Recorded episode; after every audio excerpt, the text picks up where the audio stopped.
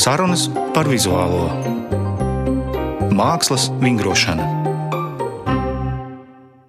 Labdien! Studijā esmu es, mākslas kritiķis Vilnis Vējš, un mēs runāsim ar diviem māksliniekiem, kuriem tieši ir aktuāls izstādes šobrīd apskatāmas. Viens no tiem ir Rolands Peterkops no mākslas duetā Mara un Rols. Un otrs mans viesis šodien ir Jānis Šneiders, gleznotājs un dažādu mēdīju mākslinieks, kuram ir neliela aizkustinoša izstāde Mākslas galerijā Luka. Marai un Rolam ir izstāde Rīgas mākslas telpā. Es ceru, ka jūs esat redzējuši, ja nē, tad eh, ir to vērts. Mums jau nāk tāds pirms Ziemassvētku uztraukums un pozitīvas emocijas ir vajadzīgas. Man liekas, ka jūsu abi izstādēs ir kaut kāda kopīga noskaņa, Es to noskaņu gribētu salīdzināt ar visiem mūsu daudziem svētkiem, ko mēs nu pat esam pavadījuši. Ieskaitot, man diemžēl jāsaka, Zolītūdas traģēdijas atceri. Es paskaidrošu, kāpēc. Jo ieslēdzot televizoru tajā visbēdīgākajā gadījumā, man liekas, ka tas ir kaut kas nu pat jau redzēts. Pelēki stāvi, svecīšu liesmiņas, bēdīgi satura dziesmas. Nu, tagad nāk Ziemassvētki, mazliet jautrāk. Kā jūsu pašsajūta reaģē ar tieši šo laiku, kas ir novembris, decembris, tumšais gada laiks? Rolā tev varbūt jāsāk.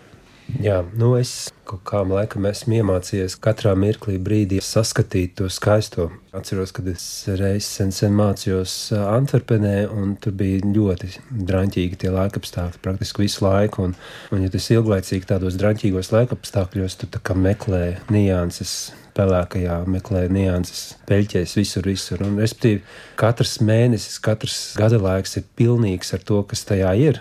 Līdz ar to novembris ir sasumējies ar to, kas tajā ir.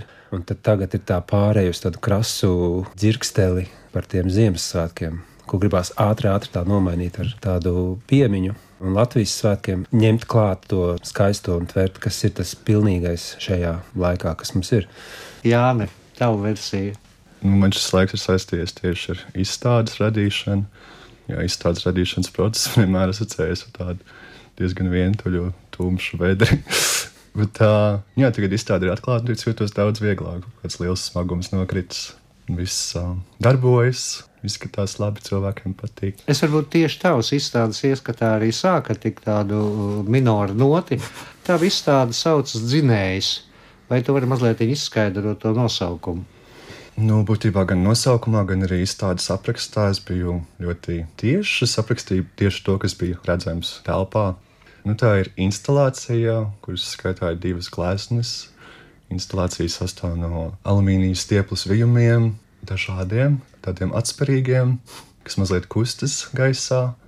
Tajos ir sveces ievietotas, un sveces griež papīra dzirneviņas, uz kurām izvietot dažādi tēli.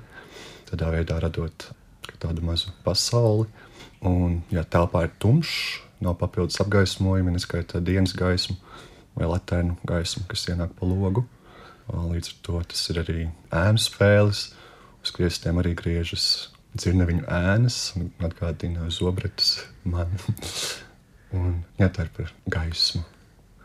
Roli. Jūsu mm -hmm. izstādē arī ir diezgan tumša, lai gan tā, protams, nav tiešā veidā piesaistīta nekādam gada laikam bet arī šī iziešana no lielas tumšas telpas. Vai tas arī bija tāds jūsu apzināts risinājums, punktējot tos mākslas darbus, eksponātus, kā tādā lielā tumšā visumā peldošs? Jā, Pirmkārt, pateikšu, ka tumsa nebūtu nebija mūsu mērķis. Reizēm situācija piespiež domāt, vai nu tu būsi gaismā, vai nu tumsā. Līdz ar to, lai novērstu daudzas nepilnības telpā, mēs sapratām, ka tums ir Viņi arī kaut kādā ziņā arī glāb situāciju. Ja runājam par telpas situāciju. Bet tas nekad nav bijis šķērslis. Tas vienmēr bijis izaicinājums atrast konkrētā brīdī, konkrētā telpā pareizo veidu, kā ievest konkrētajā stāstā. Un šajā gadījumā šis stāsts ir divu cilvēku dažādi redzējumi un iešana cauri kaut kādiem etapiem, kas eh, varbūt nav tik subjektīvi, bet vairāk tādi vērojams vispār par tādu radošu cilvēku darbību trokšņi, kaut kādi elementi, kas eh, laužas cauri, un tas viss summēs tādā sakārtotā hausā. Beig beigās tas ir par tādu radošas darbības procesu. Ne tik ļoti fiziski, mēs tur kaut ko glaznojam vai, vai šujam, tas vairāk par tādu emocionālo procesu. Un līdz ar to tas nobeigums, kur šī gaisma arī ir, gaisma tuneļa galā, nāvi sakot, kā tāds atsevišķs darbs, ir tas finišs. Un tas finišs ļauj jums visiem citiem saskatīt to mūsu praktiski izdarīto. Nebūtu finišs, nebūtu ieeja. Respektīvi, tur, kur ir tā gaisma, tuneļa galā, tā ir tā īstā skatītāja ieeja, bet pārsvarā viss iet par to, kas ir backstage ieeja mūsu eksponātā, kas arī tā ir domāts. Un, jā, un tur ir vairāk layeri, kas katrs kaut ko izskaidro, katrs ir saistīts ar kaut ko, kādu etapu vai pārdzīvojumu vai subjektīvu redzējumu. Cik interesanti, es Jāņa sacītajā saklausīju, ka laiks pirms izstādes atvēršanas ir, es saprotu, arī pārnestā nozīmē tāds tumšs un vientulīgs. Vai jums roli ir līdzīga, vai tas ir tieši aktīvas rosības, radošu strīdu? Es teikšu, ka laiks. ir, ir līdzīgi vienmēr, lai gan mēs esam divi cilvēki, mums ir vientulīgi, jo mēs kaut kādās domās esam vieni. Un, kaut kā no pieredzes arī mēs negribējām būt vieni. Līdz ar to mums darba gaitā bija arī kuratori, Augusts Petri, kas bija tas pretstats, ka mēs nebijām vieni. Mums bija saruna, mums ir svarīgi arī vispār, jebkurā projektā darboties ar kādu kopā, kas kā, ļauj mums pašiem kaut ko ieraudzīt vairāk, ļauj vispār sadarbībai, ka tādai kultūrāli attīstīties. Līdz ar to mūsu izstādē bija daudz eh, šie cilvēki, ar kuriem mēs sadarbojāmies, lai radītu to visu kopumu. Bet tādā ideja pamatā skaidrs, ka sākotnēji tu esi viens, vientuļš, un tu mēģini risināt šīs sarunas, dialogus un saprast, cik tu vientuļš esi un cik tu vari izteikt, lai tu neesi vairs vientuļš un kāds saprot, kas tajā visā procesā mīt. Un, ka tam visam ir sakarības, un tas nav mm -hmm. āršķirīgi izdomāts notikums, un mm -hmm. kaut kādā ziņā par emocionālo.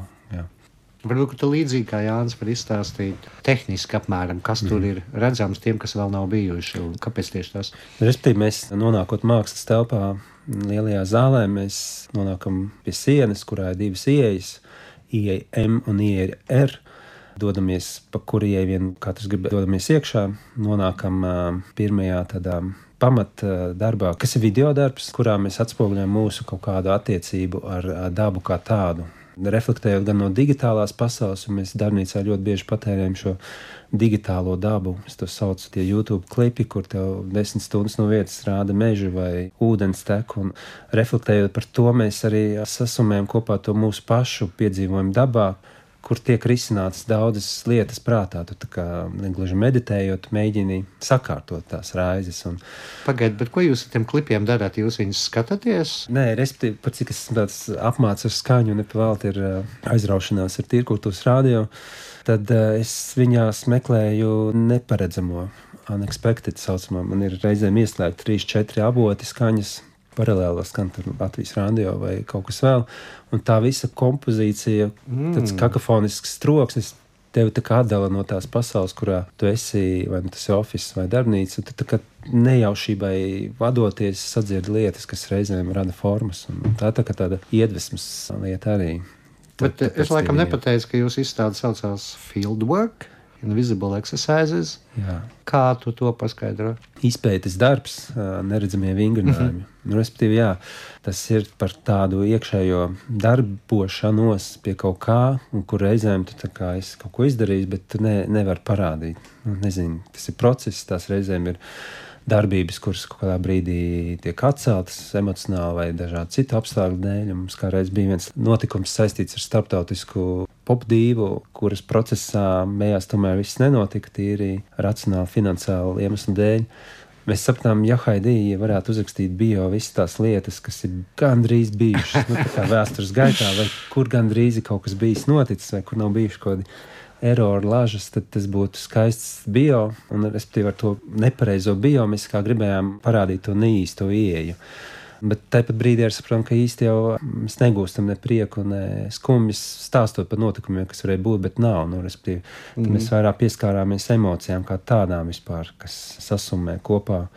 Mm -hmm. Vai nu tur izdegšanu, vai visu laiku ticamība kaut kādiem pārspēkiem, kas mm -hmm. palīdzēs, vai skaidrības sistēmas, schēma, darba spējas vai, vai tīri emocionāli. Nu, tur ir vairāk elementi, kas izskaidro to visu atgriežoties Jānis pie tavas izstādes, Kā tu nonāci līdz tiem papīra propellerīšiem? kas tur tā trīsvaļojoši griežas, un tad, kad ienāk vairāk cilvēku telpā, tad viss tā stiepļu konstrukcija sašūpojās, un tad tas jāievelk elpa. Kas tā bija par ideju, no kurienes? Tas aizsākums šķiet ir pirms kādiem četriem gadiem. Mākslas akadēmijā, pirmajā maģistra kursā. Bija daļa no skolas uzdevuma, kurās arī radīja pirmās šīs stiepļu dziedneviņas. Pašai stieplē aizsākumi kaut kad vēl senāk. Bakalaura akadēmijā, kad es no stieples uztaisīju stikla krūzītei kājiņu. Man no kuras spiediena varētu dzert vīnu no krūzes ar kājiņu. Gribēju dzert siltu. Jā, kopš es pirmoreiz radīju tās dziļiņas, visu laiku kaut kur prātā esmu noglabājies, ka gribētos to atkārtot un lielākā formātā. Vairāk, bet ja tas vienmēr arī mazliet asociējas ar kaut kādām briesmām un aizdegšanos ka tā ir nedroša izstāde. Bet tā, jā, šoreiz viss notiek, un nekas vēl nav aizdedzies. Visas kustas. Es iepriekš nebiju strādājis tādos materiālos. Ļoti patika, ka es varu vīt līniju telpā, telpisku, ko es iepriekš esmu tikai uz papīra jaudekli gleznojis divdimensionāli. Nu, es katrā ziņā jūtos mazliet kā tāds mazs dieviņš, kurš izvīja gaisā šo līniju, kuras vienā galā ir gaisma, svece, kas rada to siltumu enerģiju. Otrā galā ir um, ja šis elements, tēls, kas griežas siltuma enerģijas iespējā, ja kas viņus nolieku gaisā, kā sakārtoju, sasaistu vienu ar otru. Varam izstādēt divi savstarpēji komunicējoši elementi, divi vīrieši ar zobeniem rokās, kuri cīnās līdz izteg svece. Tie ir vienīgie, kuri tās um, alumīnija līnijas ir sapiņķerējušās kopā, pārējie griežas paši par sevi. Kaut kas tajā visā šķita poētisks, gan tajos izmantotajos materiālos, gan arī aprakstot to izstādi. Caur to, kas tur tiešām fiziski arī notiek, tas izklausās maģiski, un to ir ļoti viegli sasaistīt ar iekšējo pasauli. Ja tas man ļoti patika, ka viss tur kaut kā sajiet roku rokā, arī mēroga ziņā. Kaut kas maziņš, šķiet kaut kas ļoti liels kaut kas, kas ir vācu priekšā, šķiet arī kaut kas, kas var notikt tev iekšā. Jā. Un kā viņš tur griežas un griežas, un te zvana no galerijas un saka, ka pēkšņi negriežas, vai jāiet mainīt sveci, vai kā? Un es jau minēju izstādes aprakstā, ka, ja kaut kas negriežas, tā ir daļa no darba, jo mēdz būt dažādi faktori, kas to ietekmē. Arī, jo vairāk cilvēki ienāk iekšā galerijā, tas iekustina gaisu telpā, un tas iekustina arī to sveces liesmu un virzienu, kurā nāk tas siltums augšā dažkārt tā mēģina, uz kuras uz, uzsēdināts tās dzirnaviņas. Tā tur kaut kā mazliet sagriež, negrib vairs kustēties no vietas. Dažkārt kaut kas tie pašai svecai uznāk kaut kāds sliktās degšanas brīdis. Un tikai dzīvē mazliet arī. Es arī gaidu, kad kāds varbūt izdomās nopūst kādu sveci un iejauksies tajā sistēmā, ko es tur esmu uzbūvējis. Tagad būs jāaģis solā. Es zinu, ka tu eh, esi bijis arī Mars un Roļa izstādē. Ko tu tur redzēji?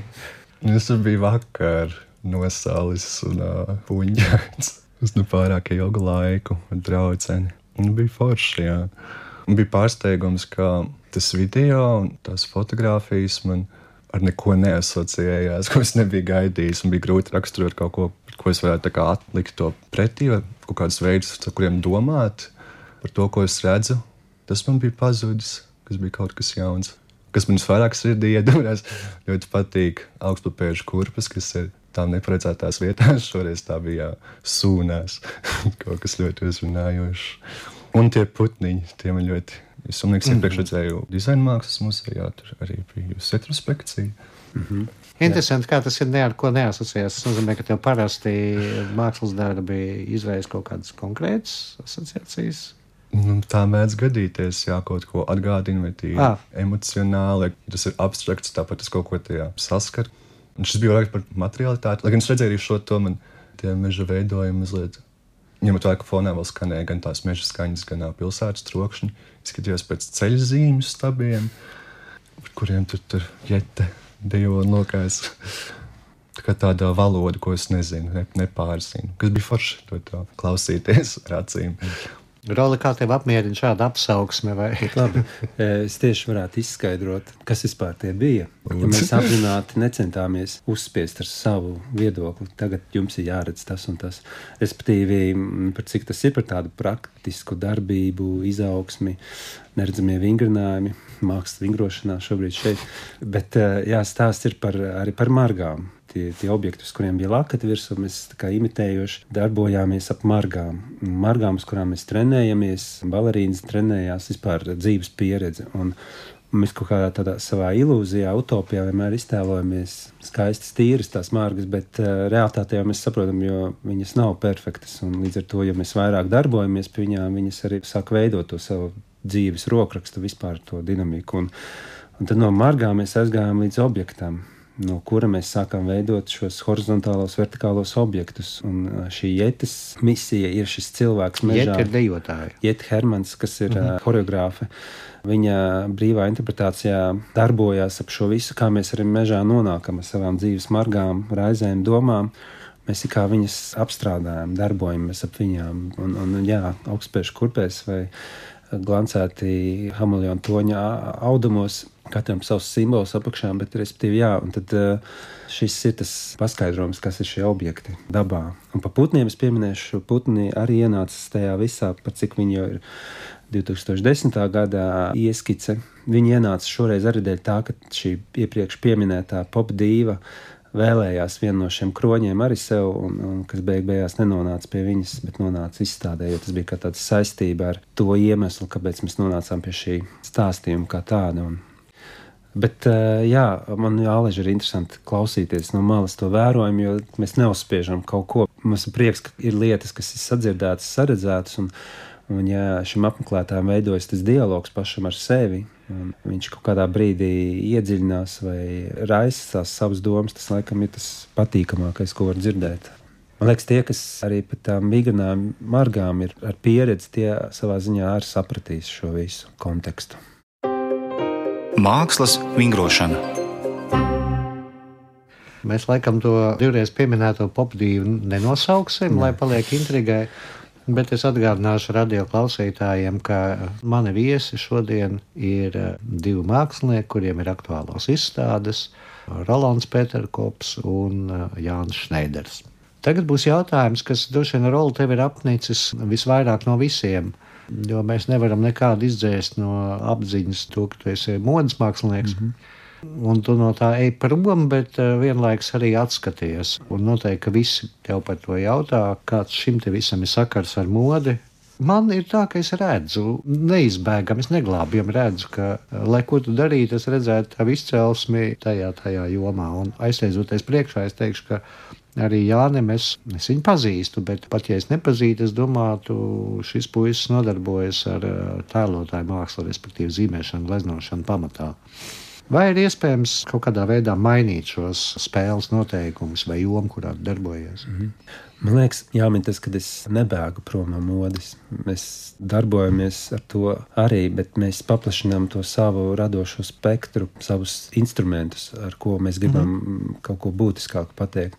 Mēs neesam ieinteresēti tajā procesā, kas saistās tikai ar drēbju dizainu, šūšanu, un pēc tam tirgošanu un rezonanci tādā skaistajā pasaulē.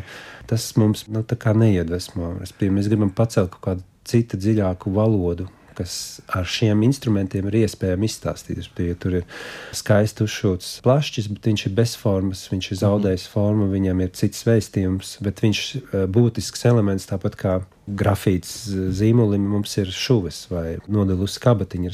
Tie ir mūsu instrumenti, ko mēs gribam darboties citās platnēs, citās formās. Tā ir tāda sava veida dekonstrukcija, attēlojums, tad sava veida sasummējums ar tām emocijām, ko mēs izliekam, kā mēs to mākam. Un tas nav tā, ka mēs ļoti bēgam no modes. Mums šī vide, modes vide neliekas tik interesanta, bet skaidrs, ka mēs esam tādā procesā, ar kuru mēs varam kaut ko vairāk attīstīt un pateikt. Līdz ar to mums tas ir daudz būtiskāk un, un kaut kā arī globālāk varam rezonēt ar lietām, kuras varbūt nav pa kabatai, kapacitātes ziņā darbojoties tikai modē. Tas bija māksla, ir tāds plašāks spektrs. Un es tieši gribu uzsvērt to mūsu domāšanu kā tādu, kas tieši ir saistās ar mākslas procesu. Mēs neglaznojam, mm -hmm. mēs nedarām fiziski tādas lietas kā arodpratējs. Mēs arodu, protams, jā, mēs mākam šūt, mēs mākam uh, darboties video vai, vai citām lietām, bet uh, mēs vairāk gribam to domu izcelt kā tādu mākslas lidojumu, kurš vēsta par kaut ko jaunu. Un tā bezgalīgā tieksme uz kaut ko jaunu, tas arī tas dzinulis, kur es varu pieminēt, ka mode darbojas līdzās nepārtraukti tieksmē, neiesaisties tajā patīkamajā, kas ir ap mums, jo tas mums vairs nav interesants. Līdz ar to vienmēr rosināties un rast, kas saka, vingrot, choreogrāfiski meklēt veidus, kas tev rada jaunu enerģiju, jaunu rakursu, jaunu, jaunu redzējumu tajā visā visumā, kas mums ir. Kur neko jaunu īsti izgudrot nevar, tikai dabūt jaunas, jaunas kombinācijas, garšas no tā, kas eksistē. Un, tā arī saistās mūsu mode. Mm. Viņi ir līdzās līdzās darbojoša lieta, bet šis ir kaut kas vairāk dvēselē un tādai izpausmē valodai. Jāni, man arī šis jautājums par eh, iespējamu mēdīju maiņu jau bija azotē, tad, kad tu sāki stāstīt par savu izstādi, kas tajā ir redzams, un tu uzreiz pirmajā gadījumā teikumā arī pateicis uzvelk līniju gaisā ar stiepli. Un jā, iepriekšējo reizi, kad tu biji pie manas ciemos, mēs arī jau Kalniņu laikam apspriedām tavus zīmējumus. Lai gan tur tieši līnija nav tik daudz, bet tās zīmētājs sākotnē ir redzama. Kādas tev pašam ir uh, attiecības ar medijiem un to robežu šķērsošanu? Man patīk. Es nezinu, varbūt izjūt no citiem kaut kādu spiedienu, ka Nevajag apkārt mētāties un visur iemērkt tikai savu pirkstu vai kaut kur gremdēties līdz galva zem ūdens, līdz visu iekšā ielikties. Bet nu, es tā īsti nejūtos. Man liekas, ka idejas dažkārt pašas pieprasa citus materiālus, kuros tās īstenot, lai tās kļūtu jau vēl skaidrākas, ka tie materiāli palīdz. Ja tas prasa atteikties no glezniecības kādā brīdī, nu, tad man nav iebildumu to izdarīt. Es pamatā esmu glaznotājs, es to esmu nodarbojies visu mūžu. Līdz ar to tas ir iedies manā galvā. Viss tur ir saudzis tā, ka es pat caur to domāju, kaut ko skatos, un man jau roka mazliet kustās, kā es varētu kaut ko uzvilkt ar otru. Bet nu, tas jau paliek arī visā pārējā, ko es daru. Ja kaut vai šo līniju vēl kaut gaisā, tas viss jau ir turpat Katrā ziņā pat ja darbs, ko esmu veicis, ir kaut kas pilnīgi manā praksē, līdz tam neredzēts tieši materiālā ziņā. Tad es parasti no cilvēkiem esmu dzirdējis, ka tāpat var pateikt, ka tas nāk no manis. Bet, okay. Jā. Nu, tu varētu kaut ko uzšūt, kā Marina Rols. Es gribētu.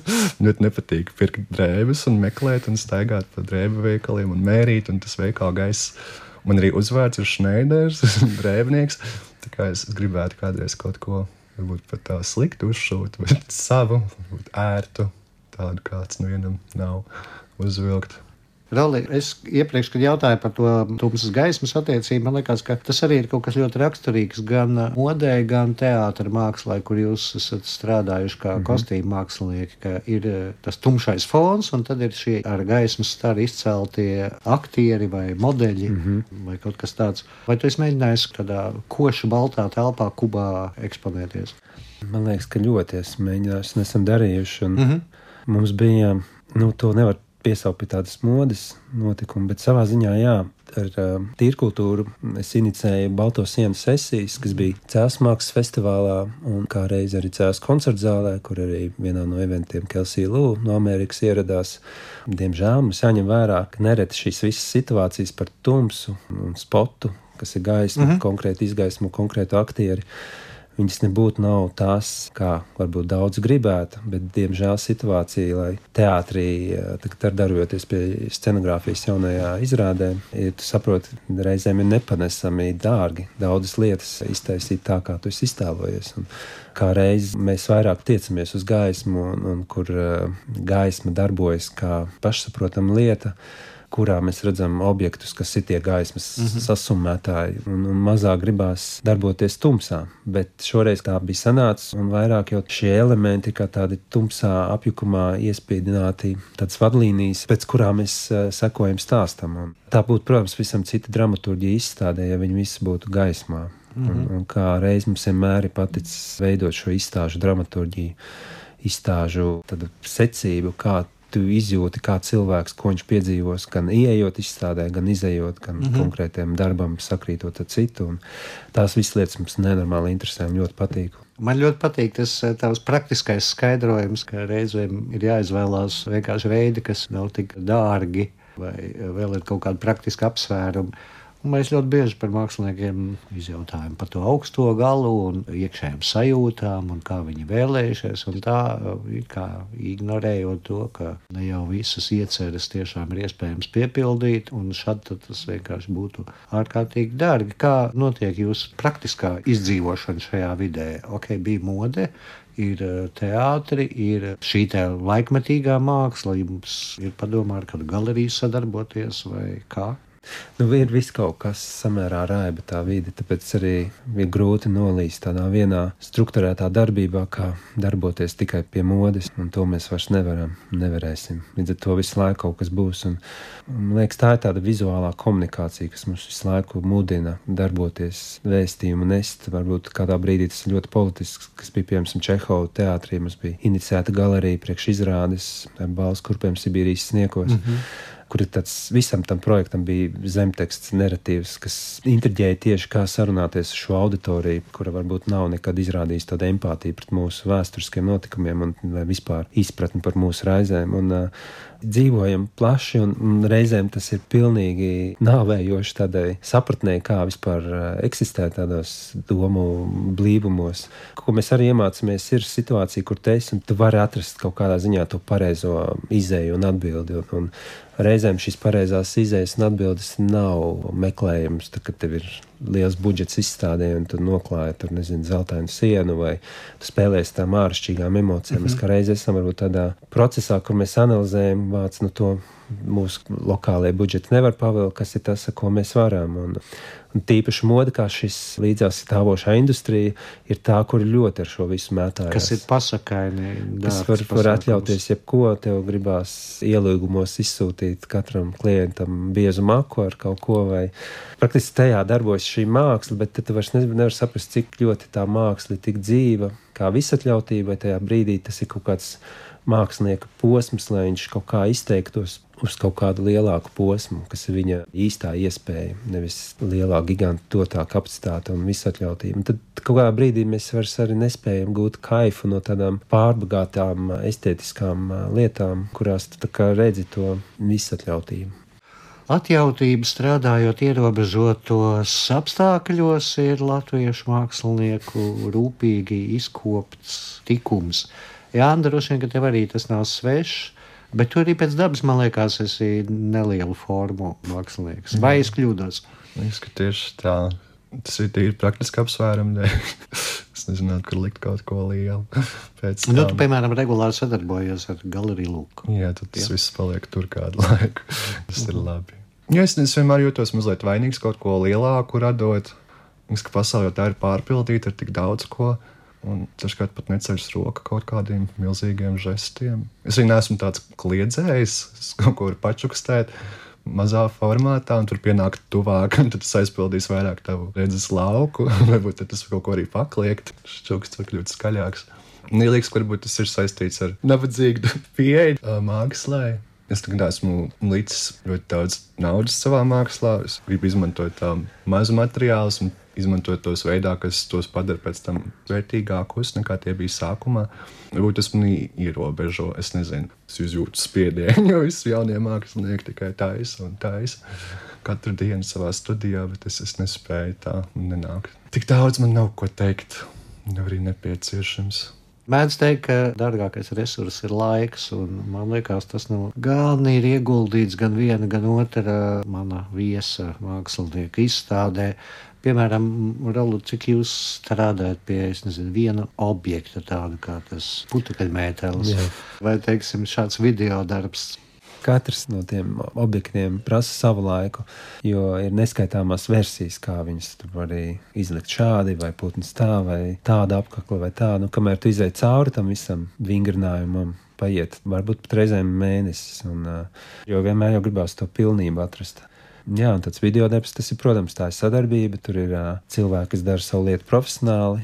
Jo mums ir svarīgi, ka šī profesionālitāte ir tā, kas spēlē lomu tajā visā. Tas nav visu pats pats. Tāpēc tās lietas arī ir dārgas. Un, uh, vai nu tā ir skaņa, pie kuras arī tiks strādāts ļoti cītīgi un ilgi. Un, uh, 50% mēs, diemžēl, no tā visa ieceres bijām spiesti pārcelt uz citu laiku, iespējams.